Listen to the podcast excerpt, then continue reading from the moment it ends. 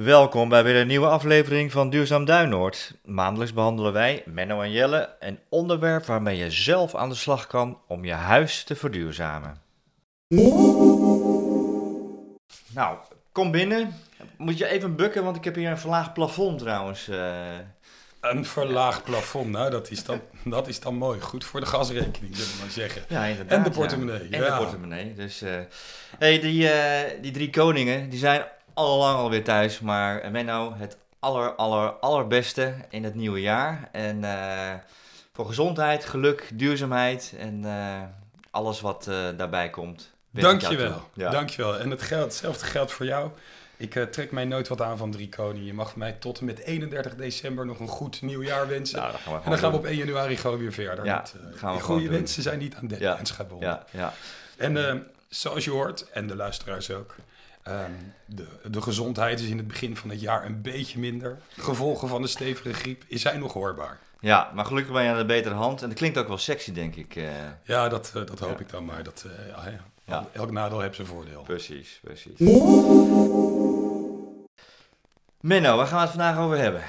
Ja, over het prijsplafond. Ja, Maar ja, we zitten nu natuurlijk al, al elf dagen zitten wij onder dat prijsplafond. precies. En ehm, nou ja, het is wel goed om daar even bij stil te staan. Ja. De voordelen, uiteraard. Mhm. En ook even gewoon even hoe het uitwerkt voor iedereen. Ja, ja, precies.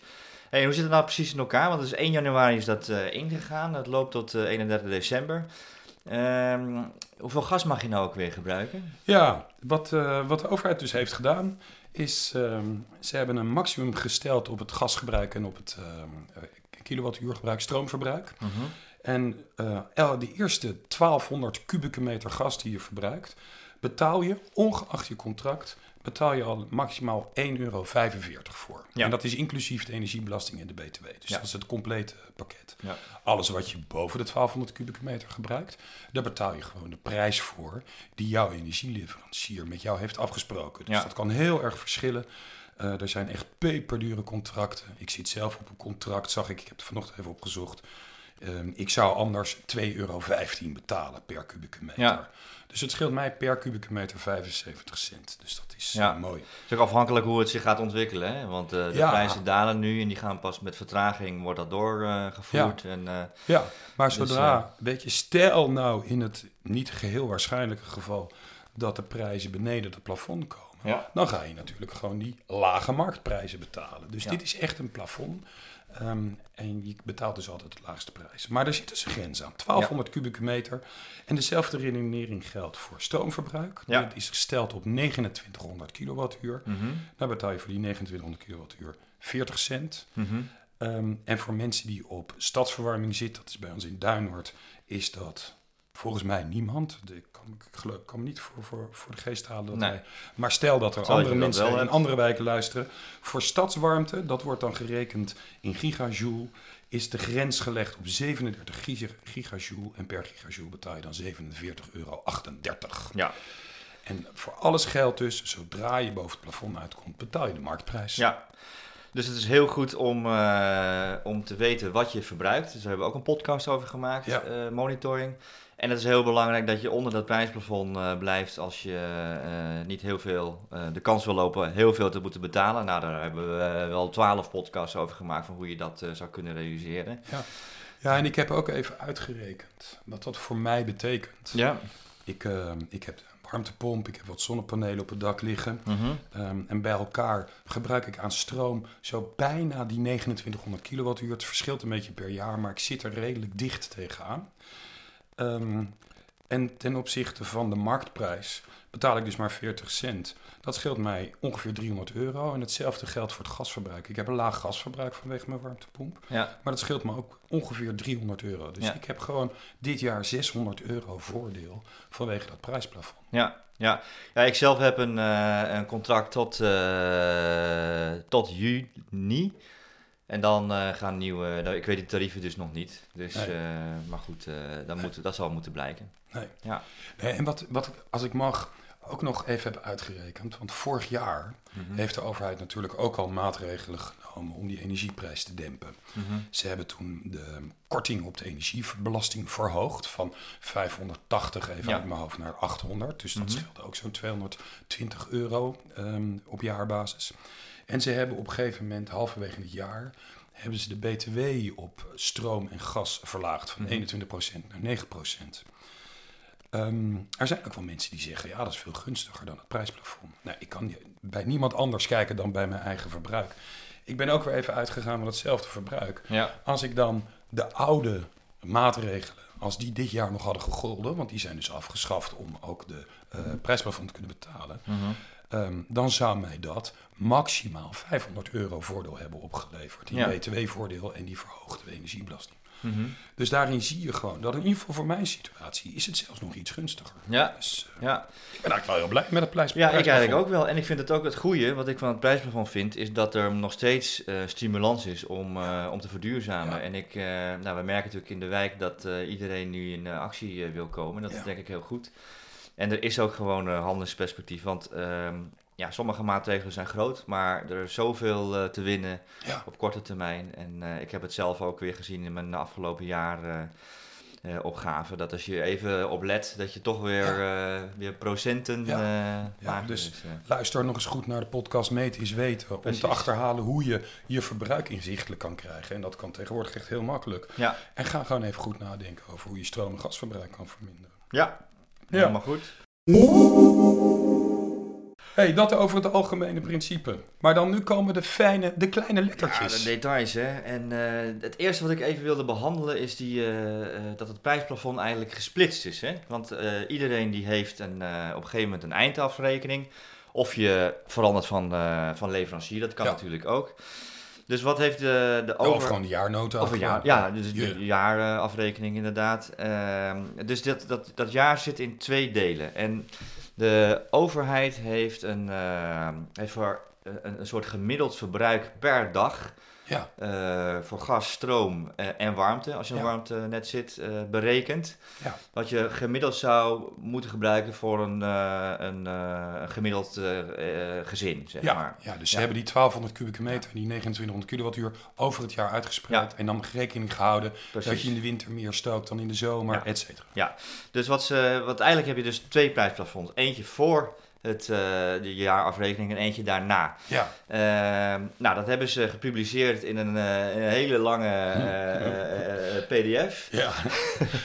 Maar om het iedereen makkelijk te maken... Per dag berekend Per dag is hoeveel stroom je maximaal Ja. zou mogen gebruiken. Nou, dat, als je dat moet, met handmatig moet gaan optellen, ben je daar wel even mee bezig. Maar als jij nou wil weten van ja, wat zijn dan die prijsplafond voor en na de, de rekening, heb ik het even in een handig Excelletje gezet. Ja. En het enige wat je hoeft te doen is even je, je, je contractdatum eh, erin zetten, hè, wanneer je Ja. jaarnota krijgt. En dan zie je echt exact Ja. op de komma nauwkeurig eh, hoeveel je kan verbruigen. ja. En dat is denk ik wel heel handig, want dan weet je in ieder geval Ja. waar, je, waar je aan toe bent. Kan je eens een Eh, rekensom geven of een rekenvoorbeeldje Ja. geven? nou, ik ben.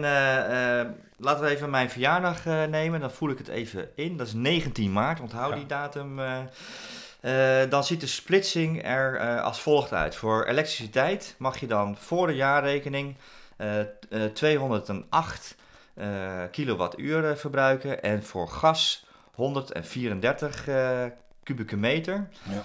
En dan is het een hele een, een rekensom best wel simpel. Dan eh, eh, daarna eh, reken je zeg maar het, eh, het verschil af. Dan kan je dus 2692 eh, kilowattuur verbruiken. En een gas eh 1066. Ja. Dus als je dat in beeld hebt en je, je houdt een beetje bij wat je, wat je verbruikt, dan weet je redelijk eh, exact waar je, waar je aan toe bent. Ja. Ja, dus dat is het. dat is denk ik wel, wel goed om, om te doen. Ja, dus En ik- ook dat is even om rekening mee te houden. Ja. Want het is dus niet zo dat als je nu in de komende maanden, januari, februari tot en met 19 maart, eh, de kachel net even wat hoger zet, Ja. dat je dat mag compenseren omdat je in de rest van het jaar wat zuiniger stookt. Het is Nee. dus echt wat je zegt. Het zijn eigenlijk, het wordt twee keer wordt je prijsplafond bepaald. Exact. Ja. Afhankelijk dus van het moment waarop je Ja. jaarnota En, valt. ja, en je mag alleen maar, eh, zeg maar meenemen eh, uit dezelfde periode. Dus voor, dus je moet Ja. het totaal van voor en het totaal van na.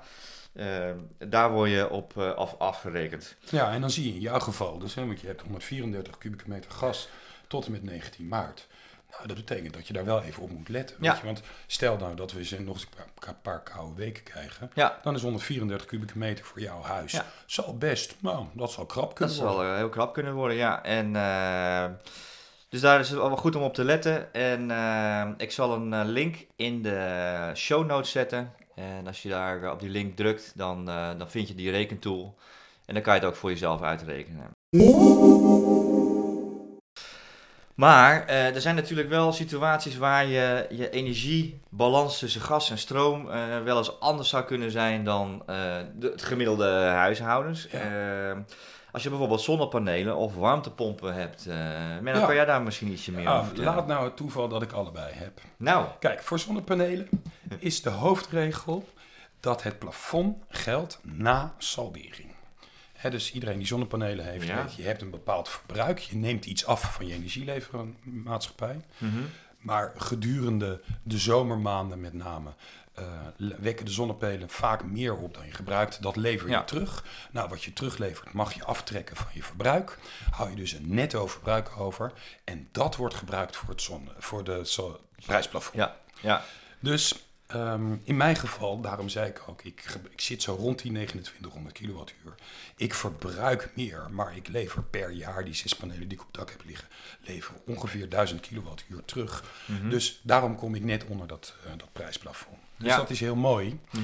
Ehm, wat, waarbij wel weer die splitsing waar jij het over hebt geldt, ehm, ook, ook doorwerkt.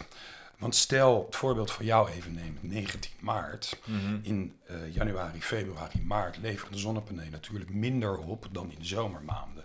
Dus je hebt minder teruglevering in die maanden. ja, Terwijl je in de maanden in 2022 heb je heel veel teruggeleverd. Die mag je niet meenemen. nee, Dus ze kijken ook bij de saldering echt alleen maar halverwege valt op een gegeven moment de, Ja. de, de, de jaarnota op de mat.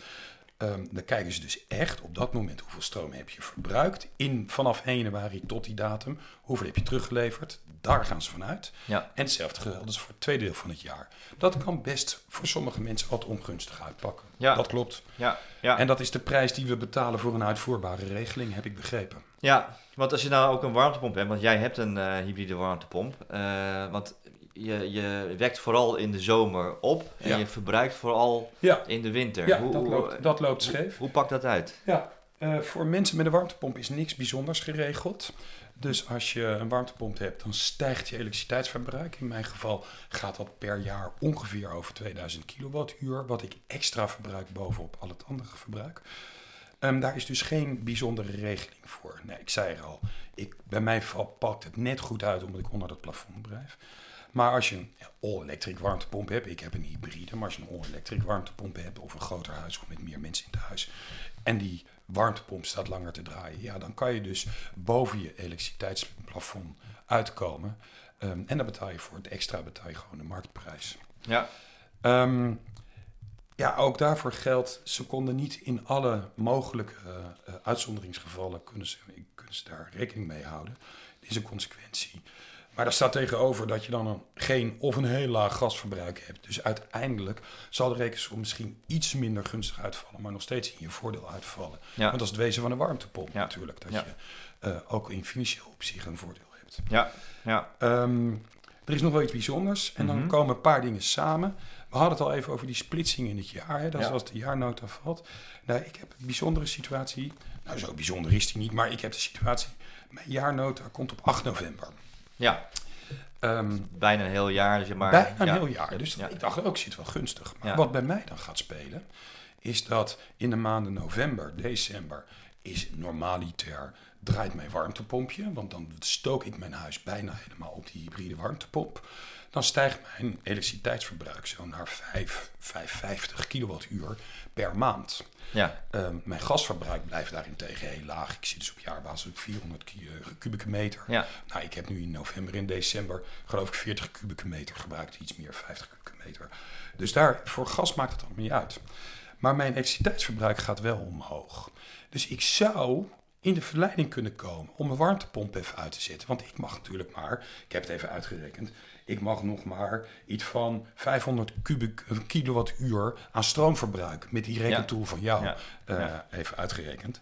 Dus ik zou in de verleiding kunnen komen om een deel van die tijd mijn warmtepomp Ja. uit te zetten en dan maar gewoon op gas te gaan stoken met de gedachte, nou dan heb ik geval dat, profijt veel, van. Scheelt dat veel dan? Nee, dat is voor mij helemaal niet gunstig. Weet Nee. je? Want ik heb het ook hier weer even uitgerekend. Ik verbruik dus 500 kilo, kilowattuur meer dan het eh, plafond Ja. van het laatste stukje van het jaar. Ja. Dus dat staat op 500. Ik zal iets van 1000 gebruiken, dus 500 meer. Dat kost mij 50 euro extra. Want mijn normale tarief is 50 cent op dit moment. Mhm. Plafond is 40 cent, dus ik betaal een dubbeltje extra, 50 cent. Daar staat tegenover dat ik dan ineens 100 kubieke meter gas meer ga verbruiken. Ja. Ja, dat kost mij gewoon veel meer geld. Ja. Dus het is totaal niet gunstig om ehm, in financieel opzicht. Nog even los van het gegeven dat ik die warmtepomp heb genomen. Ja. Om juist minder gas. Want dat is, heeft CO2-uitstoot. Terwijl mijn groene stroom zo weinig of geen CO2-uitstoot heeft. Dus ook gewoon vanuit mot ideële motieven denk ik er niet Ja. over. Nee, nee, Maar nee, dat, nou, is, nee, dat zijn allemaal van die dingen. Als je dat rekentool van jou hebt en je weet gewoon wanneer. Dan kan je het gewoon even uitrekenen. Je kan het gewoon even bedenken. Ja. Dus dat eh, Ja, maakt het allemaal heel makkelijk. mooi. Hey, dan moeten we het even over eh, wat praktische zaken hebben. Hè? Want een van de luisteraars had gereageerd op een eh, post op LinkedIn van mij. Van, eh, van ja, kan je niet tussentijds om een energierekening vragen, zodat je contractdatum verandert. Nou, ik heb alle grote energieleveranciers heb ik benaderd en, en die zeiden allemaal dat dat geen, geen optie is. Nee. Dus de, als je echt, echt wil veranderen, dan zou je van leverancier moeten veranderen. Dan eh, lukt dat wel. Maar de vraag is echt of dat gaat eh, lonen, omdat je als je gaat overstappen, dan kom je sowieso eh, in een. nu in de hoofdprijs. dan ga je echt Ja. de hoofdprijs betalen.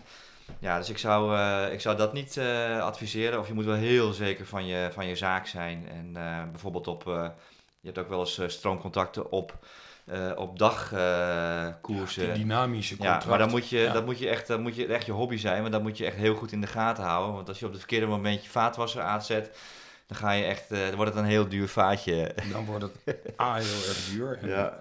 en Ja. bovendien kan je dan alsnog, stel dat die gekke Poetin nog eens wat in zijn kop haalt, of het nog een tijdje doorgaat, of dat we inderdaad in februari, maart ongelooflijk veel gas gaan verbruiken omdat we de Elfstedentocht kunnen rijden. En hetzelfde in november, december.